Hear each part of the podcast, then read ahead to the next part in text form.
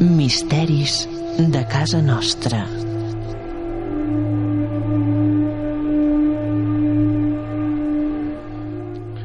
N'hi ha molts de misteris aquí a Catalunya, moltíssims, eh? No tots són de tipus esotèric, eh, paranormal, màgic. Hi ha alguns que són misteris polítics. Hi ha misteris fins i tot culturals. Misteris antropològics de la nostra pròpia raça, no? la nostra pròpia idiosincràsia catalana. Hi ha una investigadora catalana, l'Anna Riera, que és llicenciada en Filologia Anglesa per la Universitat Central de Barcelona i que, a més, a més d'això, que no és, el, no és el que ara ens interessa, ha fet un llibre titulat Mil una curiositats de la independència de Catalunya. Clar, dintre d'aquestes curiositats hi ha molts enigmes. I ara connectem amb l'Anna, que no està a Barcelona, sinó que està a l'adversari, està a Madrid. Anna, bona nit. Hola, bona nit, què tal? Què fas per aquí, per la meseta?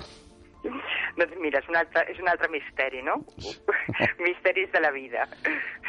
Bueno, escolta una cosa. El teu llibre, que em sembla magníficament il·lustrat també, i ben, està ben, ben editat, eh? Aquests de l'Arca, l'Arca, oi? Editen Sí. molt bé, eh? Uh -huh. Sí, la veritat és que ha quedat força, força curiós, sí, sí, Mhm. sí. Pues has fet, Estem contents. sí, sí, has fet un llibre on hi ha aquests misteris, curiositats de la independència, que per molta gent aquestes curiositats són, si, si tu no ho expliques, són enigmes. Mhm. Eh? Són enigmes. Eh, aleshores, Exacte. per exemple, eh, alguns es diran, bueno, i la, la Generalitat de Catalunya, per exemple, no? Quan va néixer? Mhm. O, Com és que va néixer? Què va passar?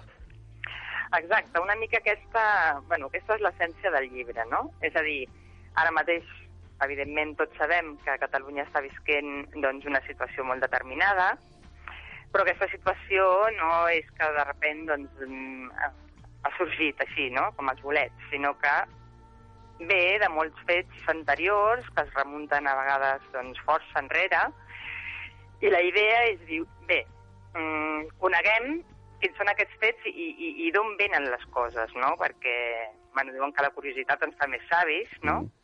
I, evidentment, doncs, saber d'on venen les coses i no només mm, doncs, el que volem ara mateix, sinó per què hem arribat fins aquí, doncs segurament ens aclareixi, a més, per, cap a on anem, no? O cap a on podem anar, com a mínim. Mm.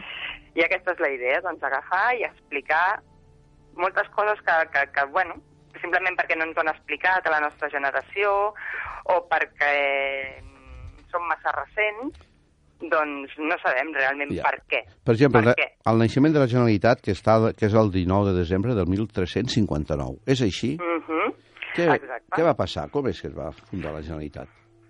Home, a veure, els, els fets concrets, doncs, bueno, per això jo penso que el millor és llegir tot el llibre, no? Perquè, perquè s'ha d'anar d'alguna manera enllaçant a tot el que ve abans i, i, i així s'entén perfectament la història, Ah, no? explica-la, Resumir-ho així en dos, en dos segons em sembla una miqueta complicat. No, però una mica, una síntesi, per què va sorgir? Per volíem autogovern, no? Eh, exacte, A doncs perquè s'arriba a una situació que d'alguna manera mm, el poble català com a poble diu, a veure, nosaltres volem una sèrie de coses i necessitem el nostre propi autogovern, les nostres pròpies institucions que ens representin a nosaltres. No a altres realitats, sinó a nosaltres, no? I a partir d'aquí, doncs, succeeixen una sèrie de fets i, pum, neix la Generalitat. Perquè, bé, eh, la Generalitat sabem que té el seu origen a les cors, cors reals catalanes, oi? De l'època Sí, sí. de Jaume I. Estem parlant del Sí, sí. segle, del segle XIII, sí. Sí, sí, Sí. per això dic que es, es remunta molt, o sigui, que les coses no són de fa quatre dies. Sí que és veritat que, que, que tots els fets que d'alguna manera ja condicionen que aquest catalanisme tingui ja un trasfons més polític mm, són més actuals. Uh -huh. Vale, pues ja ens situem al segle XIX, probablement, eh, Renaixença, etc etc. Però ja les arrels, diguéssim, de tot això venen de molt més enrere, no? És a dir, hi ha una voluntat des de fa molts segles de que la idiosincràsia pròpia del poble català, que molts cops eh, es diferencia dels veïns, doncs que es respecti i que es valori, no? Sí. I el rei Jaume I va obligar eh, que féssim a Catalunya una, una reunió que es deia la, les Corts Generals, no? Mhm. I d'aquest i d'aquest conjunt de mandataris es va crear els de la Generalitat, no? La General de Ah, Catalunya. exacte. És així o no? Sí, sí, a partir d'aquí, doncs neix el que és la institució, que seria doncs, el, el, el, el germen de, de la Generalitat que tenim encara avui en dia, no? Que escolta, ens representa. Anna, què se'n sap de l'origen de la, la senyora catalana? O l'estelada? pues mira, la- l'estelada, perquè clar, són, són dues coses diferents. Val? Una Mhm. cosa és la senyera, Mm. doncs que mm, sí que és força coneguda doncs, la llegenda, no?, que ens, que ens explica doncs, com al ser derrotat, doncs, el rei... Pilós. A veure, el, el, el Guifré el Pilós, Mm. mm. val? doncs el, el seu enemic li ofereix l'escut i ell, amb la sang de la seva pròpia ferida, dibuixa doncs, les, quatre, les quatre barres, no?, Mm.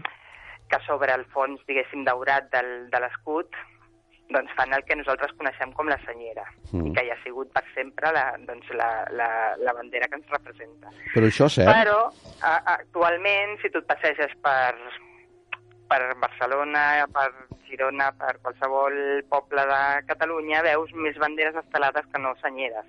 Però espera un moment, Anna, abans de continuar. Aquesta llegenda de Guifré el Pilós eh, Uh -huh. és cert, perquè això se situa més o menys a l'any 1000, a l'any 1000, 1050. A veure, jo, jo dic que això sempre s'ha conegut com a llegenda, és a dir, eh, és una història que no està mm, d'alguna manera històricament comprovada fins al punt de que es pugui considerar històricament provat, no? I per tant es queda a la categoria, diguéssim, de llegenda històrica. Eh, bé, una mica mm, té que veure que és molt... Clar, quan més ens allunyem, no? Sí. eh, evidentment mm, les coses molts cops són més difícils de, de, de, de comprovar, no, no, no s'escrivien sistemàticament, no, com, com segles més tard. Per tant, Mhm. Bé, si això va començar per, per, entorn a l'any 1000, i, Mhm. i va utilitzar el Condat de Barcelona, em sembla que primer va ser el Condat de Barcelona, després Sí. ha tota Catalunya, i finalment quan es va annexionar Aragó, també el regne d'Aragó. Però en Mhm. canvi els aragonesos diuen que ells també ja la tenien, eh, la senyera, les quatre barres.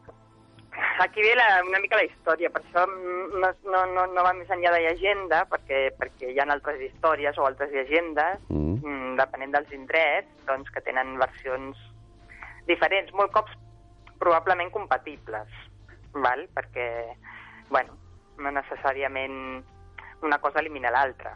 Mm.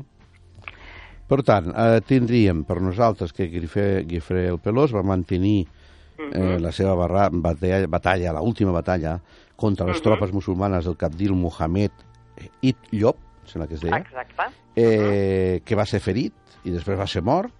I, Sí, i mentre estava al, sí, mentre estava al camp de batalla l'emperador Franc, que nosaltres aleshores Catalunya era depenent de la França.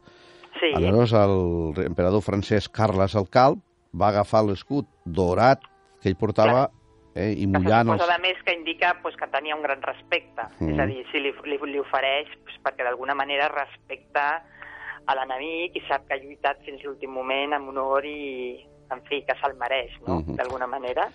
I aleshores va, va untar o posar els dits, quatre dits de la mà als- a la seva ferida i va marcar oi, tot Mhm. l'escut amb les quatre barres mm, Mhm. vermelles de sang sobre un fons dorat. Això és una llegenda. Ara bé, eh, arrel de- d'aquesta senyera, més a posteriori va sorgir l'estelada. Exacte. Què se'n sap de la... Quina és la història de l'estelada? Clar, l'estelada és, és, realment és molt més actual, val? Eh, l'estelada neix, mm, té moltíssima influència, vamos, totalment, diguéssim, de Cuba, Mm. Vale? Eh, eh, parlem del moment en què es perden les colònies, de que, bueno, i el moment de que Cuba, s'in- perdó, que Cuba s'in- s'independitza, Mm. vale? aconsegueix la seva independència i, i es llibera.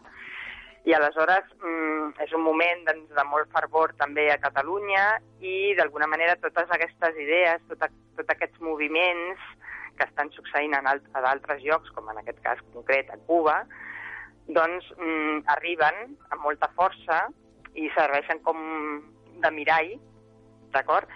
I, i, I, de fet, l'es- l'estrella, l'es- que, que, que dona nom, no?, l'estelada, Mhm. és a dir, aquest triangle que s'afegeix a la senyera amb la eh, amb, amb l'estel al mig, Mm. doncs bé, bé, absolutament inspirada i, i, i, i Una- bé, doncs, de... És una de- còpia de la, senyera, de la bandera cubana, Exacte. que està a la mateixa posició i tot. està a la mateixa posició, tot i que ja mm, de l'estelada realment s'ha acabat sembla que, que sí, que ara ja s'està com eh, imposant un en concret, que té el triangle amb una, amb una direcció concreta i al vell mig el- l'estel, però al llarg dels anys, diguéssim, hi ha hagut diferents versions de l'estelada, Ah. eh, en la que el triangle anava d'una manera o tenia un color, tenia un altre, és com, és com si s'haguessin fet diferents proves o tendències i al final, doncs, a la fi ha quedat com la que ara tots més coneixem i la que veiem per tot arreu últimament, no?, darrerament, Sí, que és l'estelada... el triangle blau eh, cap avall, diguéssim, sí, pengem la, Sí, sí, en, horiz- eh, en vertical la, la senyera Mm. i amb l'estel blanc, al vell mig. Ja que parlaves de Cuba, ja que parlaves de Cuba, tu saps que, que per culpa de la pèrdua de les colònies Uh -huh. es va maleficar aquí a Catalunya al Real Club Deportiu Espanyol. Sabies això, Ah, no? sí? No? Pues mira, a- anem a veure. aquesta curiositat no me la sabia. A veure, tu sabies... Explica'm, explica'm, expliques, que a mi m'agrada. expliques el teu llibre, que l'espanyol, Mm. precisament es deia espanyol per, perquè volien ser catalanistes, bueno, espanyolistes Sí, sí, i fet, catalans exacte. per lluitar contra un equip d'estrangers que eren els del Barça. Uh -huh. Sí o no? Sí, sí, Eh? perquè en origen era una mica així. I- Doncs, I ha acabat, mm, curiosament, quasi del revés, no? I es va posar aleshores la, les barres de la bandera naval catalana dels almogàvers, blau i blanc. Mhm. Sí o no? Mhm. Sí, En les ratlles, bé. Però resulta, això estem parlant de finals del segle XIX, principis del XX, mhm. sí o no? sí, Vale. sí, sí. Aleshores, eh, hi, ha, eh, hi havia un sentiment també espanyolista amb les colònies de Puerto Rico, eh, Cuba, eh, Mhm. totes aquelles que de, de, del Carib Sí. i, i Sí, sí. Haití, bé, bé, tot el que hi havia allà baix. No? Al perdre les colònies es va perdre el sentiment d'espanyolisme Ja. aquí a Catalunya. Bueno, Mhm. ve, ve de tot, no? Ja, que estava projectada a les colònies, per dir-ho d'alguna Exacte, manera, no? estava molt projectada. Llavors, mm, al arribar a la Renaixença a Catalunya, eh, Mhm. va tornar al catalanisme. I, en canvi, l'espanyol no es va reciclar. I potser Ja. pot venir d'aquí el que el perjudiqués. Com, ho, ve- Mhm. com ho veus, això? Doncs sí, seria una possible explicació, perquè realment és com que mm, han acabat invertits els papers, no? I d'alguna manera, eh, evidentment, actualment el Barça és com... El club català... Eh, el club català I l'altre per l'Espanyol. I en canvi l'Espanyol està com en un segon terme i té allà unes altres connotacions, no? Però això no ha sigut, no ha sigut l'espanyol qui l'ha fet, sinó han sigut les qüestions polítiques del segle XX que han anat, Mhm. han anat inserint contra el Barça i, clar, i el sentiment catalanista pues, ha anat apoyant més el Barça. Mhm. Sí o no? Sí, sí, Primo de Rivera, el rei Alfonso XIII, Alfonso XII, Clar, el Franco, la mare que es va fer, tots aquests. el club com el club com el club com a club i després evidentment hi ha tota la part política, cultural que s'acaba impregnant i que, bueno, que acaba determinant les coses cap una banda cap una altra, no? Mm, mm, Molts cops. No, Sí, sí. no cal que et pregunte perquè Montserrat és considerada eh, la pàtria, el santuari nacional de Catalunya. pues no, jo penso que és, és, és, és com un... té tant de, de màgic i d'especial, Montserrat, Mm. i l'hem fet després inclús també més màgic i més perquè tothom sap, no? Doncs, Mhm. El Barça guanya i té que pujar i oferir-li a la Moreneta eh, doncs la copa o el, que, el, el, el premi que hagi aconseguit, no? La muntanya telúrica. Sí, sí, i a part té exacte una capacitat d'històries, de llegendes, de màgia, com a muntanya, ja estèticament, simplement, Mm. allà al vell mig, de repent, aquestes construccions càstiques i mm, geològicament tan interessants, no?, que a més està completament plena de grutes i de, i de passadissos i, en fi, doncs ha fet que, que, bueno, que al llarg de la història mm, hagi servit de refugi, hagi servit de... perquè gent que tenia que escapar doncs, quedés allà protegida, per organitzar reunions especials mm, que tenien que veure amb el catalanisme, etc etc, amb, amb, amb el qual doncs, s'ha doncs, convertit mm, en el, el santuari català, no? o sigui, per excel·lència. Però no solament el monestir eh, benedictí, no? sinó no, no. la muntanya. Tot, exacte, tot el complex. No? Tota la muntanya, tota la muntanya tota la és un monestir.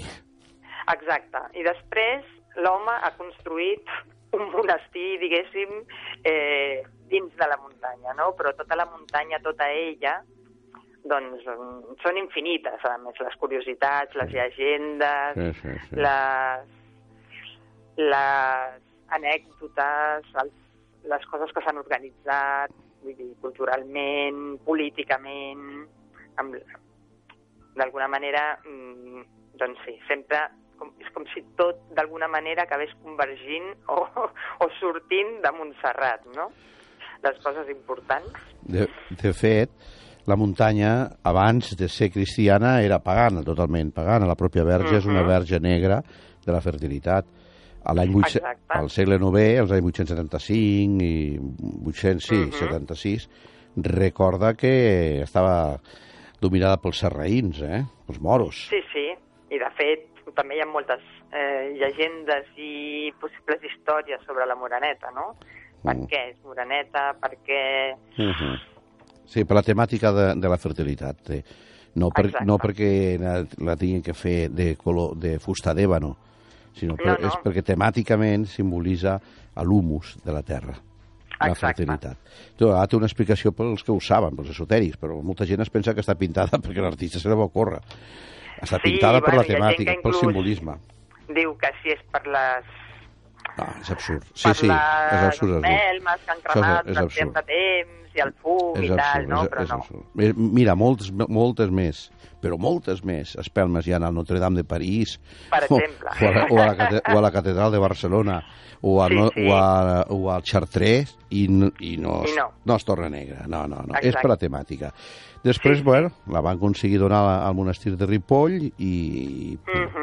I aquells van muntar 12, t'ho explico, 12 frares, van muntar, van anar allà d'ermitanys i van començar a cristianitzar la, la muntanya.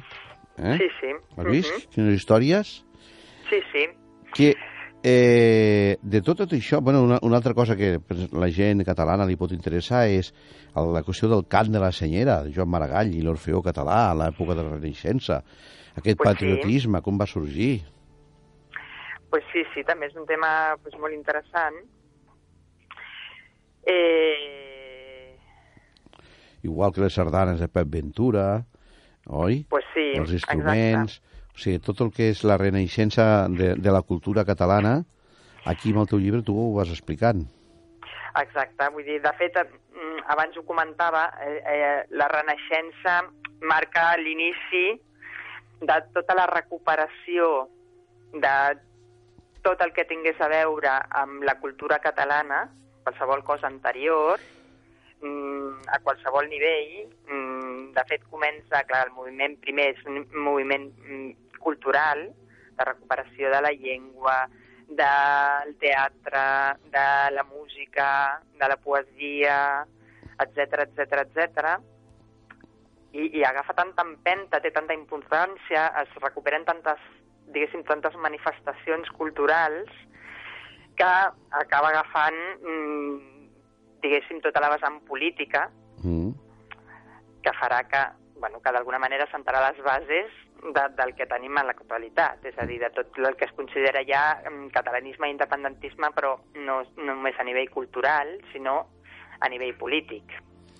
És a dir, tot neix, d'alguna manera, va ser un moviment brutal, podríem dir, no?, dins del, del, del, del que és eh, Catalunya, mm.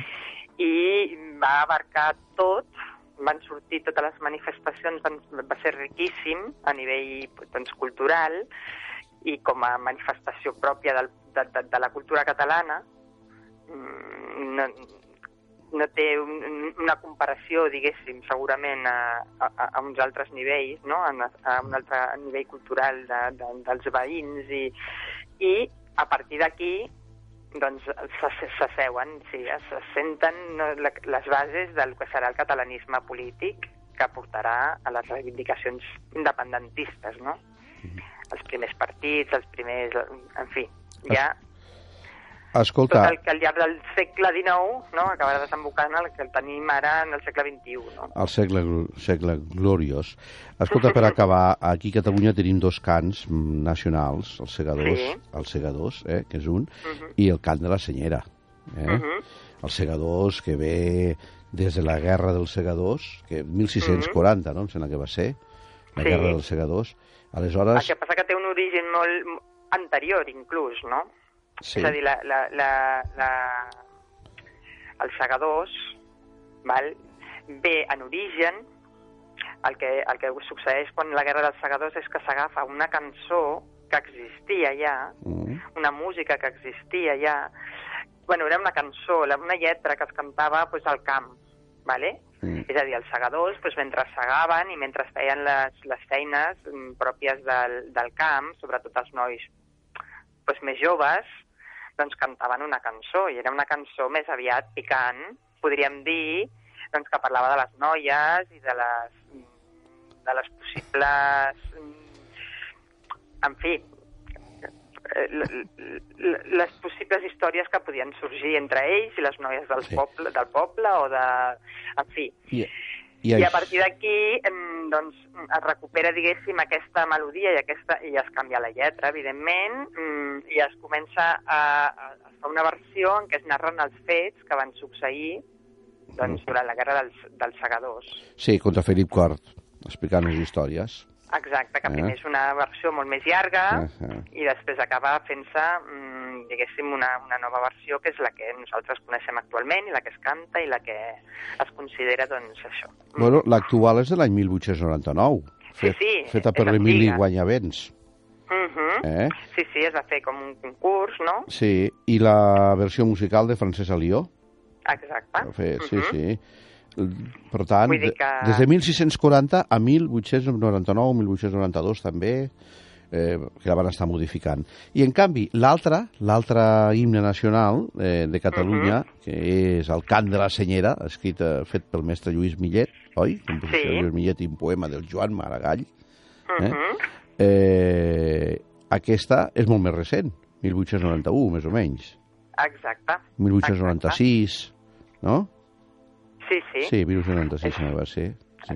És, és molt, molt més recent. Cant de la senyora. I les dos, uh -huh. I les dos simbolitzen la força d'un poble. Pues sí, jo penso que per això d'alguna manera han quedat els dos i ningú ha acabat de guanyar. O sigui, i, i s'han com han perdurat els dos, no? Quan el, a lo millor el normal és que eh, un s'hagués acabat imposant, no? Com a himne, l'himne, sí, en majúscules, no? Però d'alguna manera és com que els dos tenen tanta força i són tan viscuts i, i, i com que representen també sí, doncs l'esperit i, i el sentir de la gent de, de Catalunya, no? que d'alguna manera doncs, els dos s'han imposat i conviuen doncs, com perfectament, no? sense cap problema. Molt bé, Anna, ja se'ns acaba el temps, ja hem estat parlant d'alguns dels enigmes que es queden desvetllats a través del teu llibre, Mil unes curiositats de Catalunya, de la independència de Catalunya. Eh?